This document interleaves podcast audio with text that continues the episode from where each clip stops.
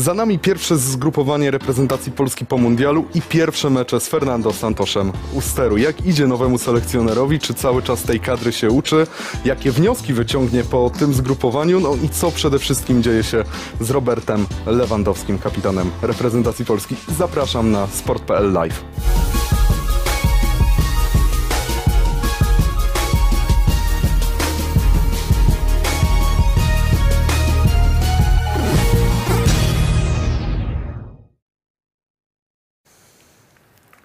Dobry wieczór. Zaczynamy Sport.pl Live. Mnóstwo tematów. Mam wrażenie, że naprawdę to zgrupowanie pod wieloma względami ciekawe. Zacznijmy ten program tak jak Czesi mecz z Polską. Od razu do, do konkretów. Moimi gośćmi są Antoni Partum, dziennikarz Sport.pl i Dobry pan wieczór. trener Marcin Broniszewski. Dzień dobry. Dzień dobry, witam serdecznie. A do konkretów chciałem. E, ocena szkolna, tak w skali dla Fernando Santosza za to pierwsze zgrupowanie? Może trener? Bierzemy pod uwagę wszystkie trudności, które trener e, Jak sprawiedliwy miał. nauczyciel.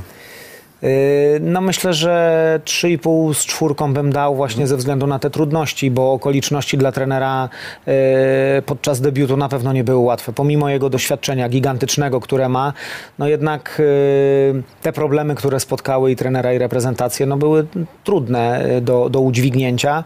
Wydaje mi się, że, że ta pierwsza porażka też jakby trochę o tym stanowi i, i sposób gry i rozmiar tej porażki, ale na szczęście drugie spotkanie troszkę to zmieniło. Na Antek, pewno też Bo to był sztorm ten początek, prawda? Najpierw afera premiowa wychodzi kilka dni przed zgrupowaniem. Ja nie- Ja nie wiem, czy Fernando Santos w ogóle się orientował, co się wtedy wydarzyło w Katarze.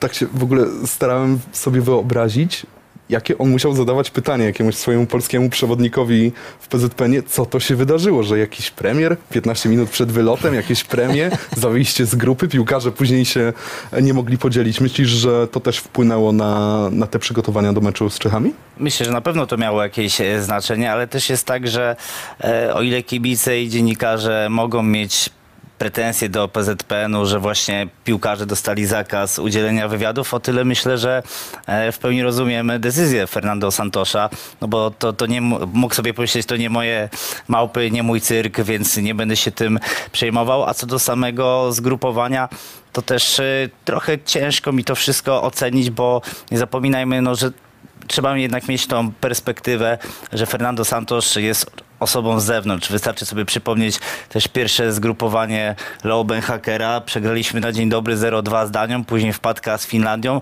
a jednak gdzieś tego Benhakera e, później dobrze wspominaliśmy. E, też przypominam sobie pierwszą konferencję Fernando Santosza i gdy dziennikarze próbowali od niego wyciągnąć jakieś konkrety odnośnie tego, jak mamy grać, e, czy jak nie wiem, widzi na przykład pozycję Piotra Zielińskiego, no to Santosz e, ewidentnie unikał tych konkretów, bo wydaje mi się, że on tak naprawdę wtedy nie miał za dużej wiedzy i tak e, musiał zobaczyć, dotknąć tych piłkarzy i widać już po pierwszym meczu, e, że gdzieś zaistniała ta selekcja negatywna, bo dał szansę w pierwszym składzie czy Bielikowi, czy Karbownikowi, których później już nie zobaczyliśmy, więc co do samej oceny Santosza, no to jeszcze byłbym spokojny i dałbym mu po prostu czas. Trenerze, co, co się stało w tym meczu w Pradze na, na początku, że my do trzeciej minuty najpierw tracimy gola z autu, później tracimy piłkę w środku pola, idzie kontratak, jest 0-2. To jest kwestia motywacji, koncentracji, czy jaka? Kurczę, no ja myślę, że w ogóle y, ja taki mecz sam kiedyś przeżyłem w swojej e, zawodowej karierze. To, to, to są rzeczy, na które trener nie jest absolutnie przygotowany i zespół też mogą przypadkowo bramki paść. Nie chcę absolutnie powiedzieć, że te były przypadkowe. One były efektem e, popełnionych błędów absolutnie. Natomiast one podcinają bardzo mocno skrzydła i powietrze z zespołu bardzo szybko schodzi. Żeby wejść w ten rytm grania potem, realizowania celów czy planu, który zawodnicy mieli przedstawiony przez sztab szkoleniowy, naprawdę nie jest łatwo. Bo to w głowie siedzi, że bardzo szybko straciliśmy bramki, musimy odrobić, musimy się sprężyć, a, a ledwo mecz roz, się rozpoczął, a my już jesteśmy naprawdę yy, mocno ugotowani, bym powiedział. Yy, no i słabo to wyglądało, rzeczywiście. Ja, ja, do, ja dostrzegam poza organizacją gry, nie chciałbym w szczegóły wchodzić, bo nie znam planu na mecz, natomiast y, zwróciłem uwagę na to, że Czesi mieli więcej determinacji w tych wszystkich konfrontacjach, bym powiedział, takich jeden na jeden, w tych fizycznych pojedynkach. Każde zderzenie nasze z czeskim zawodnikiem, no to niestety my y, na trawie. Ja w ogóle mam wrażenie, że brakuje trochę mi w tej reprezentacji Polski takich e, zawodników, bym powiedział, zadziornych, e, z charakterem. Zastanawiam się, czy może to jest też wynika po prostu z tego, że je- jest jakaś zmiana pokoleniowa i nie ma już e, tylu na podwórkach Piotrów Świerczewskich, Mariuszów Jopów czy Radków Sobolewskich, ale gdzieś tak naprawdę jakbyśmy zobaczyli pewnie przeanalizowali sobie świadectwa szkolne polskich reprezentantów, to podejrzewam, że tam wszyscy zachowanie dobre, bardzo dobre. Czerwone E, paski. Tak, czerwone, czerwone paski, może, e, może to jeszcze, to nie wiem, ale, ale gdzieś wydaje mi się, że, że brakuje trochę mi takiego, takiej właśnie zadziorności. I tak co do samej oceny e, zgrupowania tych dwóch meczów, no to myślę, że najwięcej o tym mówi fakt, jeżeli najwięcej braw otrzymał nasz bramkarz Wojciech Szczęsny, a, a po drugim meczu stoper Bartosz Salamon, no to, to chyba najlepiej definiuje oba spotkania. Chyba Świderski też dostał brawa. No tak, tak, tak, ale no tak, oczywiście, no Świderski Ale też. ja odniosę się do tego wątku, o którym ty mówisz y, w kontekście tego, że potrzebujemy na boisku trochę łobuziaków, no bo, bo chyba tak jest. Mamy deficyt takich zawodników. Ja absolutnie nie chcę też, żebyśmy z tej dyscypliny robili zapasy, czy judo, czy tam jakąkolwiek inną dyscyplinę y, sportu walki, ale, ale ten element y, ma znaczenie. I to Czesi są właśnie przykładem na to, że można w fazach, kiedy bronimy, czyli czy bronimy wysoko, nisko, czy średnio, jesteśmy agresywni, odbieramy piłkę, ale jak mamy piłkę przy nodze, to ona nam absolutnie nie przeszkadza. Jesteśmy w stanie konstruować bardzo ciekawe akcje i powtarzać je wielokrotnie. takich piłkarzy, których naprawdę nie możemy im zarzucać właśnie tej zadziorności, no to dla mnie to był właśnie e, Świderski czy rezerwowi jak Skóraś, tak? To, to oni weszli bez kompleksów, nie bali się wchodzić w te pojedynki, a, a jednak wydaje mi się, że, że wielu piłkarzy jest troszkę za grzecznych. A to nie jest tak, że każdy może w sobie to wykrzesać, że można być piłkarzem bardzo technicznym, byśmy powiedzieli delikatnym, ładnym z piłką, a przy okazji mieć w sobie takie, taki pazur? Mnie trenerze? się wydaje, że, że można. To jest chyba kwestia motywacji, podejścia, odpowiedniego przekazu, ale to jest proces na pewno. Nie da się tego zrobić i myślę, trener Santos na 100% ma świadomość tego, tak jak i to najbliższe otoczenie, że to będzie ten proces trwał tak. To trzeba na to troszkę czasu poświęcić, przekonać zawodników, niestety, trener też o tym powiedział, przekonać ich po prostu do tego, żeby byli agresywni, ale przypomnijmy sobie, ja pamiętam takie jeszcze złączy nas piłka fragmenty, kiedy trener e, Souza mówił o tym i się irytował tym, że zawodnicy w fazach bronienia nie byli agresywni e, w swoich sektorach boiska, kiedy mieli rywala blisko siebie. Czyli można założyć, że to jest trochę nasza taka wada. Mm, problem przewlekły, e, chroniczny, ale e, zastanawiam się, widzicie już jakiś efekt Santosza? Na tak krótkim etapie, z meczu na mecz. Najpierw przegrywamy w Pradze, później jednak zwyciężamy z Albanią u siebie. Widzicie zmianę? Widzicie ten dotyk trenera, że coś się zmieniło? Ja jeszcze nie, powiem szczerze. I to nie jest absolutnie w, w, jakby ta opinia podyktowana jakąś taką krytyczną, y, krytycznym nurtem absolutnie, tylko po prostu trener ma za mało czasu. On potrzebuje zdecydowanie więcej momentów na to, żeby nad tą drużynę y, swoje piętno y, odcisnąć. Ja myślę, że ma tak dużo doświadczenia i absolutnie to będzie w stanie zrobić. Przekona zawodników do tego, że warto grać tak, jak on by chciał. Ja też tylko mogę się pod tym podpisać. Dajmy jeszcze czas, bo na dzisiaj mamy chyba za mało po prostu argumentów, żeby móc tak doszczętnie analizować, czy, czy Santos popełnił wiele błędów, czy nie. No, on się cały czas uczy na żywym organizmie. A śmieszą was te memy, że Fernando Santos smutna mina i nagle się orientuje, że w co ja się wpakowałem, że Linetti nie jest Bruno Fernandeszem i, i nie ma tutaj Bernardo Silva. To trochę tak jest? Jest w tym coś prawdy, Antek, czy, czy Wiesz, no niekoniecznie? też nie można zapominać, że oprócz tego, że prowadził reprezentację Portugalii, prowadził reprezentację Grecji, no to nikt mi nie powie, że Grecja ma większy potencjał od e, reprezentacji Polski. Aczkolwiek e, jednak e, jeżeli sobie przeanalizujemy poszczególne pozycje, no to mamy potężne braki. Pewnie za chwilę będziemy analizowali sobie poszczególnych piłkarzy, ale e, no te, mnie to szczególnie boli ten środek pola, bo mm, tak naprawdę na poziomie takim e, wysokim europejskim jest Piotr Zieliński i długo, długo nikt. E, Co najwyżej ja mam osobiście nadzieję, że e, gdzieś do, do Piotrka dołączy Jakub Moder, ale to też jest na razie myślenie życzeniowe, bo, bo chłopak Nie nie, gra w piłkę od ponad roku prawda? i nie wiadomo jak on wróci. E, Niedawno, No no, tak, niedawno pamiętam Leonardo Spinazzola, który zachwycał nas podczas Euro 2020. On wrócił mniej więcej po roku, ale tak naprawdę do wysokiej dyspozycji, po zerwanym Achillesie, co prawda inna kontuzja, ale też bardzo poważna, no to on potrzebował, nie wiem, 7-8 miesięcy. No ale dzisiaj Dezerbi, trener Brightonu, mówi, że nie wie, kiedy wróci Jakub Moder i, i że prawdopodobnie to nie będzie w tym sezonie, więc my możemy zakładać, że on nam nawet na tym zgrupowaniu czerwcowym, które dzisiaj się wydaje odległe, raczej nie pomoże. E, Zgadza się z tobą Fernando Santos, że największy problem jest w środku pola, także e, gratuluję, ale trenera zapytam, pozwól, co on może mieć na myśli, co Portugalczyk, e, co mu przeszkadza Ja myślę, że pola? może mieć, m, w jakby w wielu aspektach może mu coś przeszkadzać i w tym defensywnym i ofensywnym, bo rzeczywiście wymieniłeś Piotrka, który ma atuty ofensywne, a może trenerowi też chodzi o to, żeby mieć lidera w środku pola, który potrafi dobrze odbierać piłkę i kierować tą y, drugą linią w kontekście też gry defensywnej.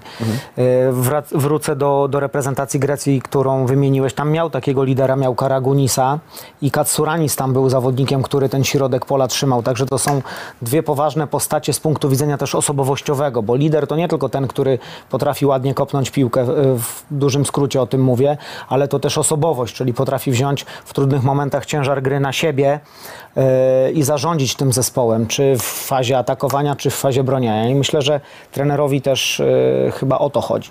Ale zobaczymy, czas pokaże. Też myślę, nie, nie chcę absolutnie powiedzieć, że Bielik jest piłkarzem przereklamowanym, ale mam wrażenie, że wielu kibiców, ekspertów, dziennikarzy trochę się e, nabrało na, na Bielika i to było No to takie nie myślenie życzeniowe. obietnica? No właśnie, a to bodajże Mateusz Święciski zaznaczył na Twitterze, słuchajcie, że Bielik ma 25 lat. W jego wieku y, Grzegorz Krychowiak wygrywał Ligę Europy i był jednym z czołowych pomocników Sewilli Ligi Hiszpańskiej, która Ale wtedy też nie była... miał dwa razy zerwanych więzadeł, nie? To go trochę No tak, ale tłumaczy. wiesz, że Bie- Bielik ma 25 lat i ani razu nie zagrał w Premier League, a siedzi w Anglii par, parę lat, a przecież... e, Bo ma książeczkę zdrowia 40-latka. no tak, ale, ale może nie bez powodu. Niestety, no. Może nie bez powodu on jest piłkarzem Birmingham, e, który jest e, na dole tabeli Championship, tak? Może, może to, to nie jest w ogóle przypadek. No dobra, no ale to się dzieje. Nie ma dzisiaj w tej kadrze Grzegorza Krychowiaka, następuje jakaś zmiana pokoleniowa, nie ma też Kamila Grosickiego, to są piłkarze, którzy przez ostatnie lata zawsze w tej kadrze byli.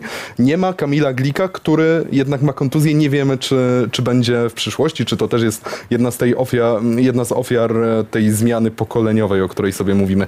Widzicie kandydata, który, no bo mówimy tak, no Bielik nie, no bo z jakichś powodów nie, ale jest ktoś taki, kto nam zastąpi tego Krychowiaka na No tej szóstce? Łatwo skreślać, ale trudniej już e, rzucić nazwisko, Nie wiem, które czy by mogło Szymański odmienić. mógłby być gdzieś na tą pozycję pomalutku e, szykowany. Znaczy teraz ten proces trzeba przyspieszyć absolutnie, bo Krychowiaka nie ma. Można założyć, że jego czas w reprezentacji się skończył, a następcy nie ma. Czyli ten proces, e, o tym też rozmawialiśmy przed programem, ten proces nie przechodzi płynnie, tylko już jesteśmy postawieni przed faktem.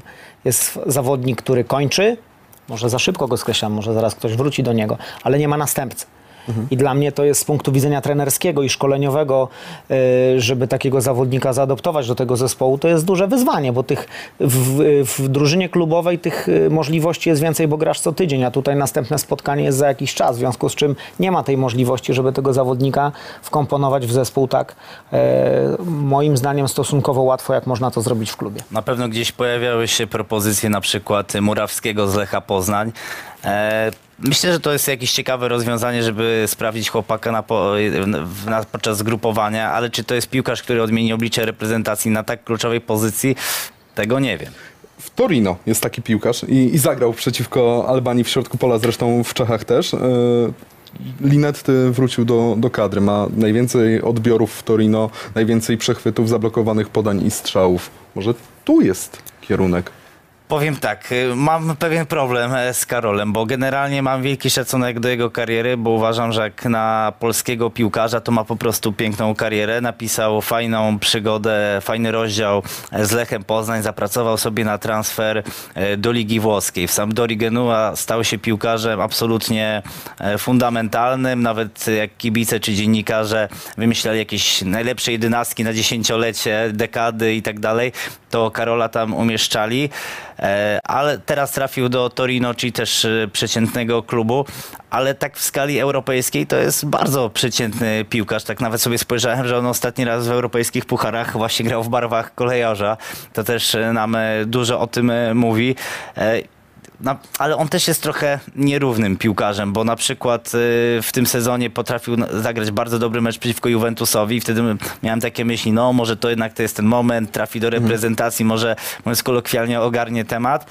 Po czym y, był, Torino grało z Napoli, on mo- może być tak grał trochę takiego plastra Piotra Zielińskiego, no to, to Zieliński się z nim bawił, dwa razy Linetty go sfaulował, później Linetty też sprokurował rzut karny i myślę, że to zgrupowanie kadry też nam w ogóle dużo mówi o Karolu, bo e, po tym pierwszym meczu w Pradze to był jeden z antybohaterów, tak przynajmniej w opinii publicznej, po czym już e, z Albanią wyglądał nieco lepiej. I, i taka jest właśnie ta kariera e, Karola. Dwa mecze dobre, dwa gorsze i e, myślę, że to jest piłkarz, który zasługuje na powołanie, ale czy to jest piłkarz, który zasługuje na pierwszy skład, no tu już jest pole do dyskusji. Może jemu trzeba po prostu zaufać O, i, i dać mu tak longiem O- o- o pograć. tym- bo ja tym- mam wrażenie, słuchajcie, że on jest w kadrze od lat, ma już kilkadziesiąt meczów, ale on nigdy nie jest na stałe. On jest zawsze, Też- o wrócił Karol Też ten wątek, jak o tym, o, jak o Karolu mówiłeś, też, też o nim e, myślałem, że może po prostu potrzebne mu jest zaufanie, żeby nabrał jeszcze więcej pewności siebie,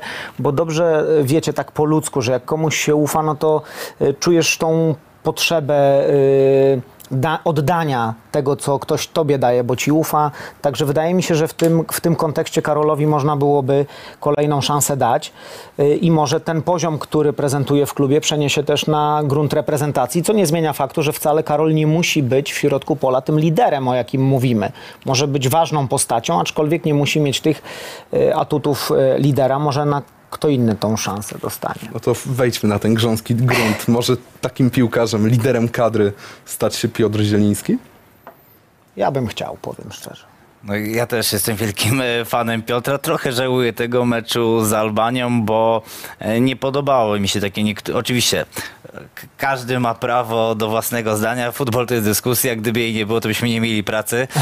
więc, więc cieszę się, że ten temat jest, ale nie podobały mi się głosy mówiące o tym, że, że Zieliński kompletnie zawiódł w pierwszym meczu z Czechami, bo ja uważam, że raczej oczywiście trudno chwalić się jakiegokolwiek reprezentanta z drugiej linii po tamtym meczu, ale myślę, że raczej to Zieliński był ofiarą gry reprezentacji Polski. Przecież on cały czas był pod grą, pokazywał się, tylko albo piłka fruwała nad jego głową, albo po prostu piłkarze no, nie, nie, umie, nie potrafili z nim zagrać sklepki i myślę, że, że on był ofiarą tego pierwszego meczu.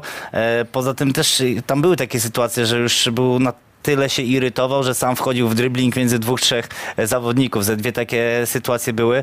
Tylko niestety jednak z Albanią e, no to już gorzej wyglądało. I też się zastanawiałem, bo na przykład Zieliński wielokrotnie powtarzał, że on najlepiej się czuje w tym ustawieniu, gdy jest trzech środkowych pomocników i on tam sobie lubi tak być przyklejony bliżej tej lewej strony. E, A z drugiej strony z Albanią zagraliśmy na dwóch środkowych, ale jak gramy na dwóch środkowych, to możemy grać skrzydłami i, i to też jest taka, e, no to, to są wszystko ciężkie tematy tak naprawdę, żeby je rozstrzygnąć tak e, na 100%. Ja, proszę. Tylko do, dorzucę y, jedną opinię dotyczącą Piotrka. Ja nie wiem, czy przypadkiem Piotrek nie powinien mieć w, w zespole narodowym takiej możliwości, żeby grał w piłkę tak, jak uważa. Po prostu on ma tak dużo atutów ofensywnych, że wydaje mi się, że nie warto go obarczać jakimiś gigantycznymi za, zadaniami taktycznymi, tylko po prostu oczekiwać od niego tego, żeby swój potencjał, ten zmysł, który ma piłkarski i on jest widoczny w klubie, żeby go po prostu sprzedawał w reprezentacji. I wydaje mi się, że zespół absolutnie by na taki e, manewr się zgodził. Że niech Piotrek ma tą, tą swobodę w graniu, bo absolutnie takie ma umiejętności.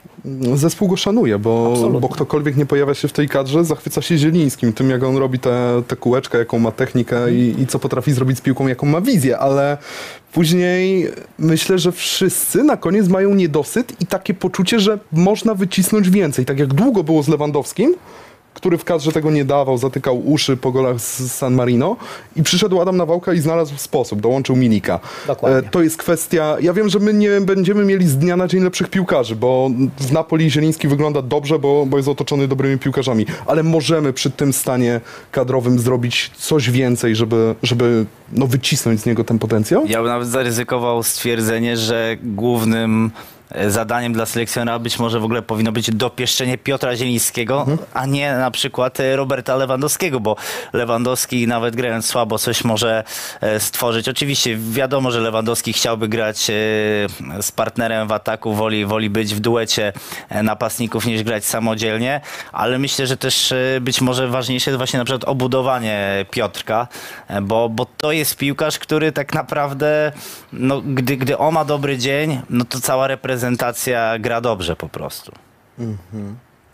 Do Lewandowskiego sobie jeszcze przejdziemy, ale e, myślę też o Świderskim, o tym, co się stało wczoraj, że, że znowu strzelił gola. Mamy taką statystykę przygotowaną, jak ono w kadrze wygląda, jakie to są liczby, ile jest rozegranych minut e, i ile jest goli. To jest piłkarz po prostu bardzo wydajny.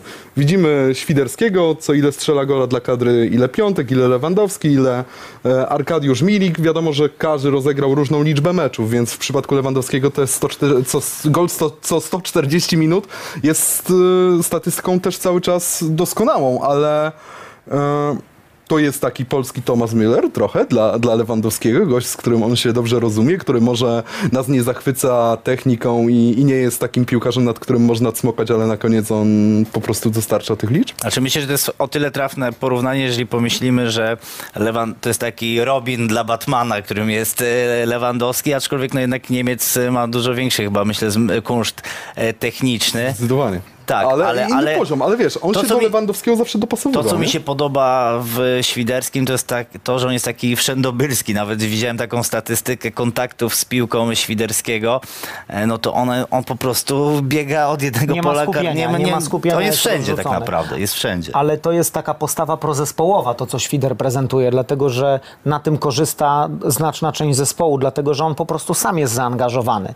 I dla mnie to ma, to ma duże znaczenie. I kto wie, czy to nie jest ten e, pakiet e, ofensywny nasz, e, właśnie Świder z lewym i gdzieś Piotrek w okolicy, który e, rozbieganego Świdra jest w stanie obsłużyć, bo rzeczywiście dużo biega, atakuje mnóstwo przestrzeni, mnóstwo wolnych piłek i Robert, który świetnie się odnajduje w polu karnym, także kto wie, czy to nie jest jakaś tam e, opcja ofensywna dla nas. Myślę, że Świderski to jest też taki piłkarz, który nawet gdyby nie strzelał tylu goli, to i tak by zbierał w miarę po, pochlebne recenzje i to najlepiej o nim mówi. I myślę, że nie powinniśmy się ba bać stawiać na Świderskiego, bo jeżeli odpukać, zagra gorszy mecz, y, złapie kontuzję, no to na luzie wchodzi wtedy Arkadiusz Milik, wchodzi Krzysztof Piątek, który też y, może ma problemy ze skutecznością w klubie, ale w reprezentacji te liczby też ma naprawdę bardzo, bardzo przyzwoite.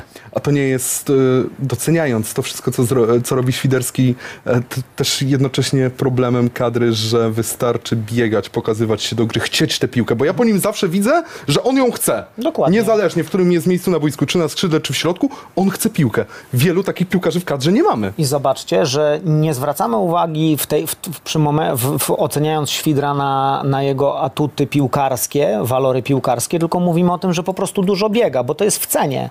Dzisiaj w piłce trzeba dużo biegać, pokonywać duże ilości kilometrów z dużą intensywnością. Świder to robi i z tego korzyść ma drużyna. On sam również, bo strzela sporo bramek, także wydaje się, że to jest patent. Nie wiem, czy się ze mną zgodzicie, ale też mi w miarę Świderskiego przypominał nieco, jak dostawał szansę Buksa Adam, bo to też był piłkarz, który nie dość, że strzelał gole w reprezentacji, e, to on też pracował na Roberta Lewandowskiego. No szkoda, że ma te problemy zdrowotne od wielu, wielu miesięcy, ale jeżeli on wyzdrowieje, jeżeli będzie grał regularnie, no to myślę, że to też jest kandydat, który mógłby być takim, e, walczyć z Świderskim właśnie o miano tego partnera. E, widziałem tylko porównanie Buksy i Świderskiego, że Buksa strzelał na 3-0, na 4-0, na 2-0, a Świderski często te mecze nam otwiera Wygrywał, i, i, i daje, daje jakąś taką korzyść, no albo wygrywa, albo, albo otwiera wyniki, co też jest e, bardzo pożyteczne. Mieliśmy statystyki. Mm, parzy nas trochę piłka, zamiast, zamiast łączyć polskich piłkarzy, że my w momencie, tutaj najbardziej wracam do tego meczu z,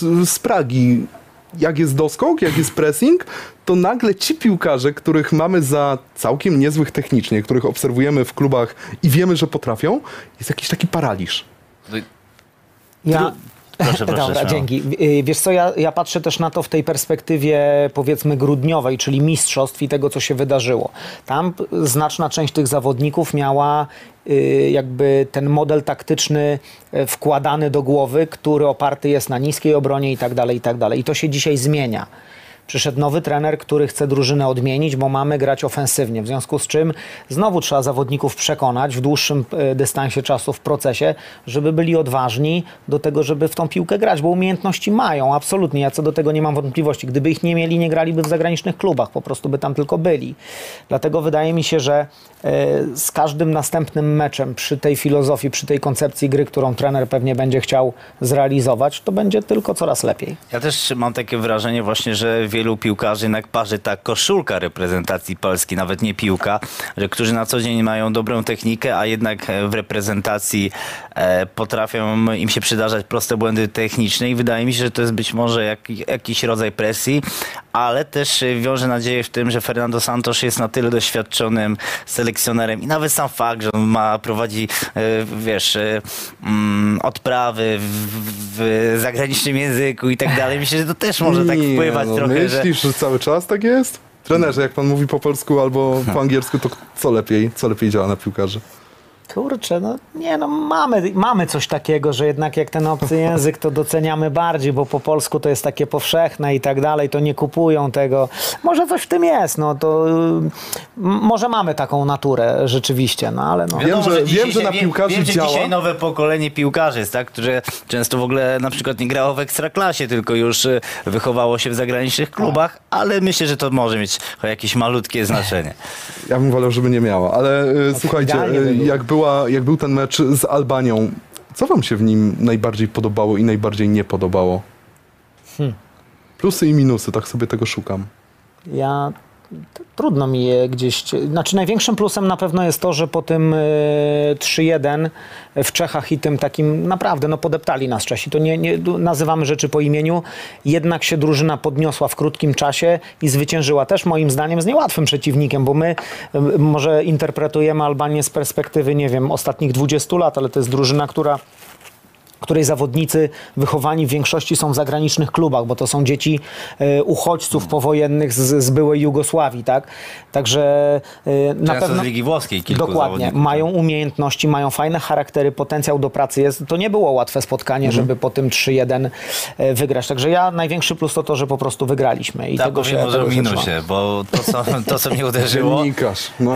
to jest fakt, że tak mało próbowaliśmy pojedynków, że tak mało to było widzieliśmy przed chwilą driblingi. No właśnie, bo, bo, bo słuchajcie, no jak można zrobić przewagę? Albo, albo sobie klepiesz dobrze piłkę, jak Hiszpanie kiedyś tiki-takę e, i wtedy faktycznie może nie potrzebujesz aż tylu driblingów, bo po prostu grą sklepki e, transportujesz piłkę pod bramkę rywala, ale no my nigdy tej tiki-taki grać się nie będziemy e, i są potrzebni zawodnicy, którzy zrobią różnicę na skrzydle. I na przykład mam, pro, pro, powiem wam szczerze, problem z Nikolą Zalewskim, bo z jednej strony widzę, że to jest piłkarz obdarzony naprawdę dużym talentem, ale, ale on jest dobry technicznie, ale to też nie jest typowy dribbler. To on, on je, jeżeli będzie zmuszony do sytuacji, to będzie mógł się wdać w dribbling, ale to nie jest tak, że jego pierwszym rozwiązaniem jest od razu kiwka i, i, i, i brakuje nam to. Tak samo uważam na przykład Kamiński, który na przykład na mundialu miał kilka naprawdę błyskotliwych akcji, a już w meczu z y, tym ostatnim z Albanią, gdzieś mam wrażenie, że mógł jeszcze więcej zaryzykować. Brakuje mi tego ryzyka, bo to nawet nie jest to, że my, nam się nie udają te dribblingi, my ich po prostu za bardzo nie robimy. To my sobie teraz o e, właśnie ryzyku porozmawiamy. Przejdziemy do drugiego pomieszczenia, zrobimy analizę, przyjrzymy się temu spotkaniu bardziej dogłębnie.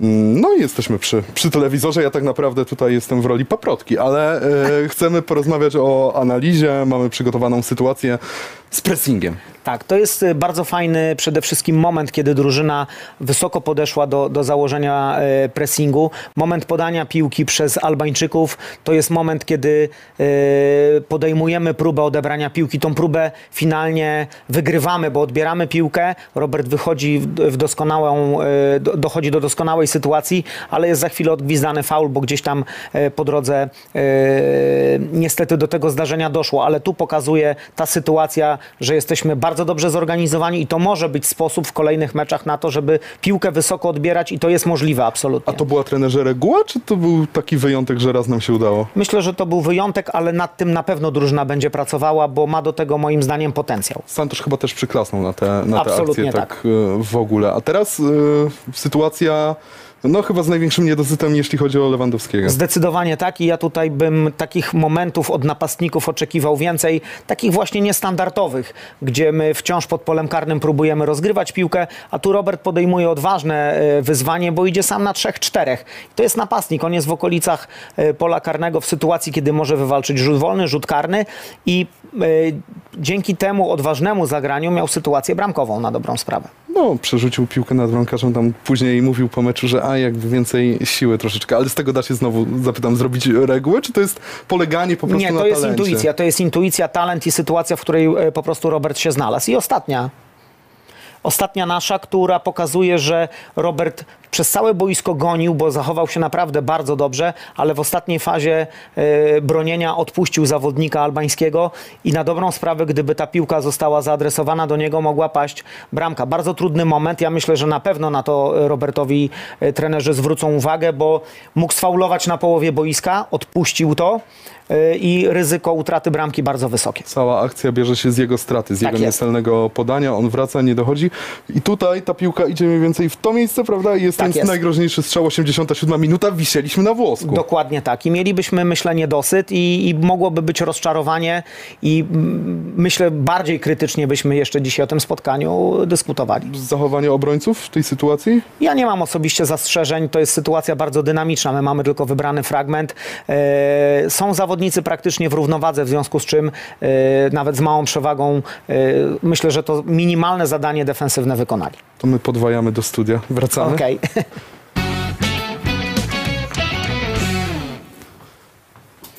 Tęskniłeś?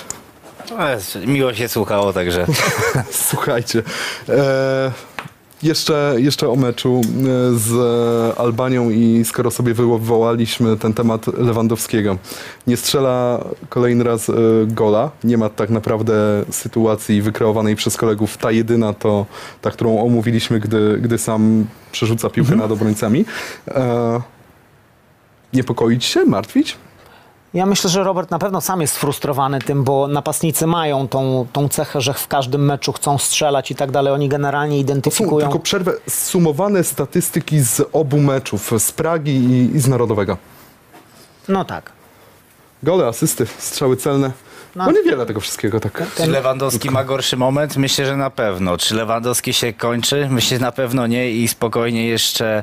E, po prostu my przysto- przyzwyczailiśmy się do tego, e, że Robert Lewandowski non-stop strzela gole, bo on tak właściwie e, to pewnie od kiedy zamienił Borussię na Bayern, a być może jeszcze trochę wcześniej, ostatnie sezony w Borussii, on tak naprawdę nie miał w ogóle momentów kryzysowych, a jeżeli sobie porównamy, oczywiście trudno go w ogóle porównywać do innych napastników, bo to jest ścisły top, ale weźmy na przykład pod lupę Lautaro Martineza, argentyńskiego mistrza świata, piłkarza Interu, który też jest uznawany za świetnego napastnika, a to jest napastnik, który regularnie ma tak, że ma trzy tygodnie świetne, później dwa tygod- na dwa tygodnie znika.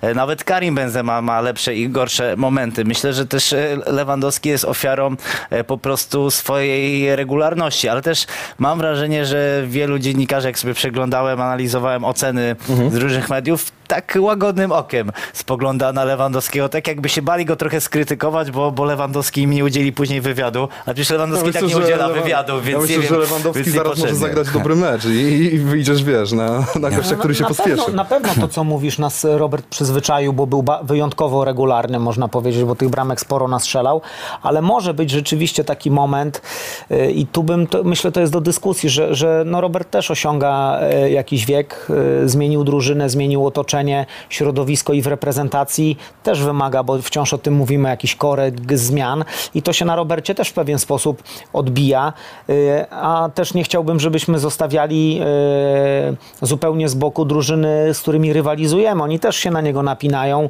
nie chcą pozwolić na to, y, żeby łatwo przeciwko nim zdobywał bramki.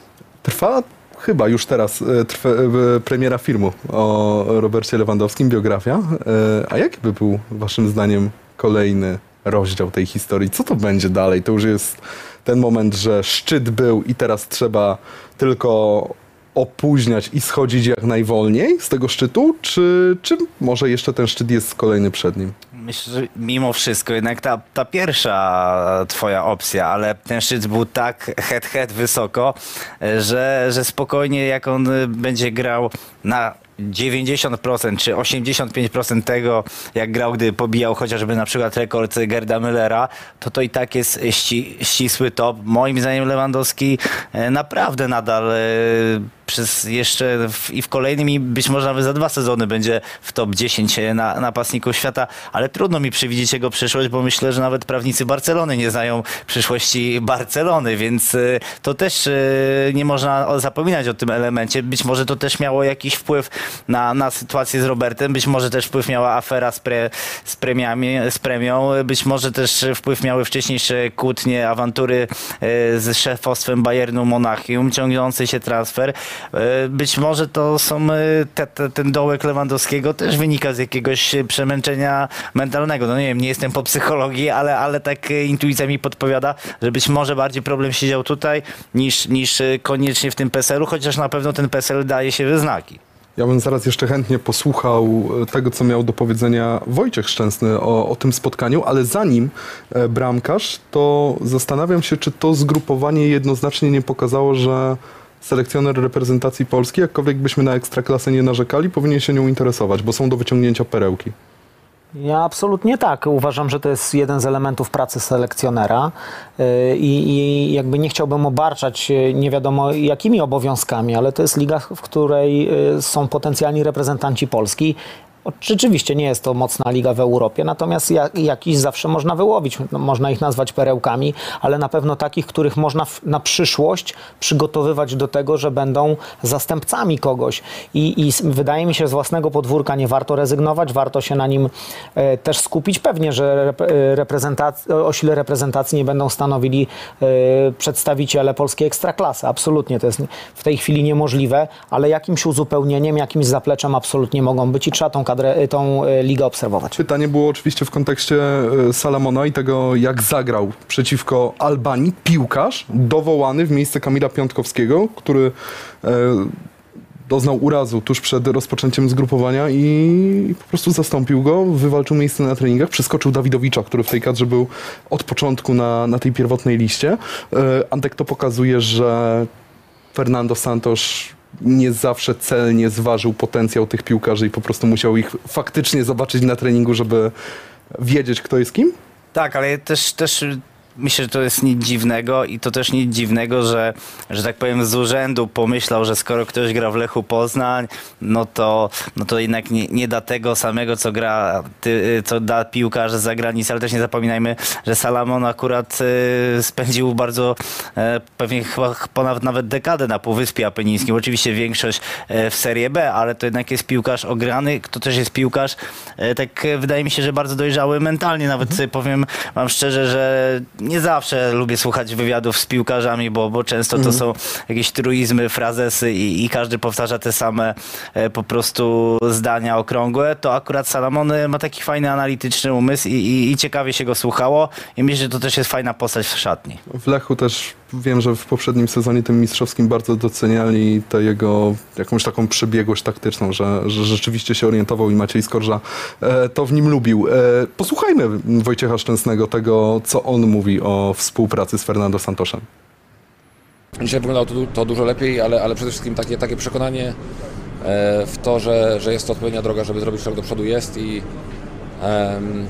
i tak mówię, dzisiaj, dzisiaj był jakiś tego jakieś początki było widać. Nie ukrywam, że po, po tak beznadziejnym meczu o reakcję jest nieciężko. E, to znaczy e, jakikolwiek, jakakolwiek duma i, i, honor nakazują, żeby, żeby, żeby następny mecz jakoś zareagować i, i, i spróbować tą plamę chociaż częściowo zmazać.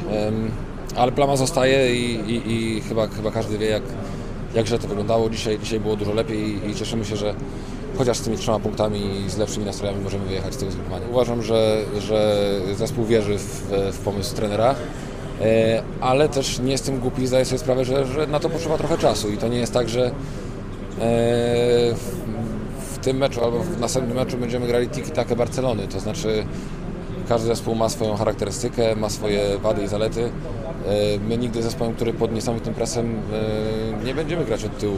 Nie, takim zespołem nie będziemy. E, Dzisiaj zespół Albanii nie presował nas za dużo, więc mogliśmy sobie pozwolić na to, żeby, żeby swobodnie rozgrywać tą piłkę, ale no wiemy, że, że nie, jesteśmy, nie jesteśmy Barceloną Guardioli. Mimo, że na gorąco po meczu to bez większych emocji, ale mówił Wojciech Szczęsny, że potrzebujemy czasu. Trenerze, ile Fernando Santos potrzebuje czasu? Yy, Wydaje mi się, że każdy następny mecz, yy, ten najbliższy, będzie tym czasem, kiedy trener będzie miał okazję, żeby tą drużynę... Będzie miał sparring, pamiętajcie, w czerwcu. O właśnie, kiedy będzie mógł drużynę do siebie przekonać. Muszą się siebie wzajemnie nauczyć nowych oczekiwań, nowych wymagań, nowego sposobu pracy. Zwróćcie uwagę, że trener wszedł i narzucił swoje reguły, swoje warunki dotyczące tam y, telefonów i tak dalej, i tak dalej. To, to, to jest proces. Ja wam gwarantuję, że w, pierwszej, w pierwszym momencie, jak zarządził nowe reguły, to wszyscy patrzyli jak na kosmitę. Co, co jest grane, tak? A raptem takie reguły trener ma i trzeba się do tego dostosować. I myślę, że te reguły dotyczą też tego obszaru bezpośredniego na boisku, bo ma swoje wymagania w detalach, będzie się różnił prawdopodobnie od tego, czego wymagali inni trenerzy, ale to jest nadal nowe.